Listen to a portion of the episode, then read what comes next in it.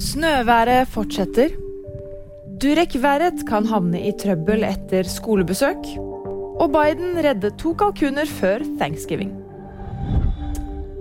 Meteorologisk institutt har utsendt gult farevarsel for snø i deler av Agder, der det er ventet opptil 30 cm snø frem til tirsdag ettermiddag.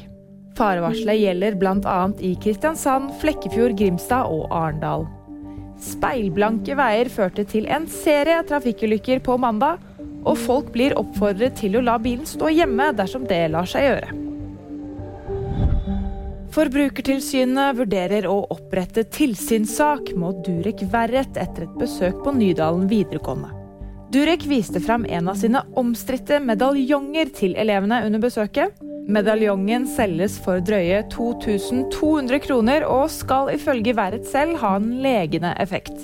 Bente Øverlien i Forbrukertilsynet sier at næringsdrivende skal være forsiktige med å markedsføre seg i arenaer der barn under 18 år oppholder seg. Right? Chocolate, you are pardoned. President Joe Biden benådet mandag to kalkuner og reddet dem fra å bli servert under en kommende thanksgiving-middag. Kalkunene kommer fra en gård i North Carolina og er oppkalt etter presidentens favorittiskrem, ifølge Biden selv. Og VG-nyhetene de fikk du av meg, Fride Rivø Lie.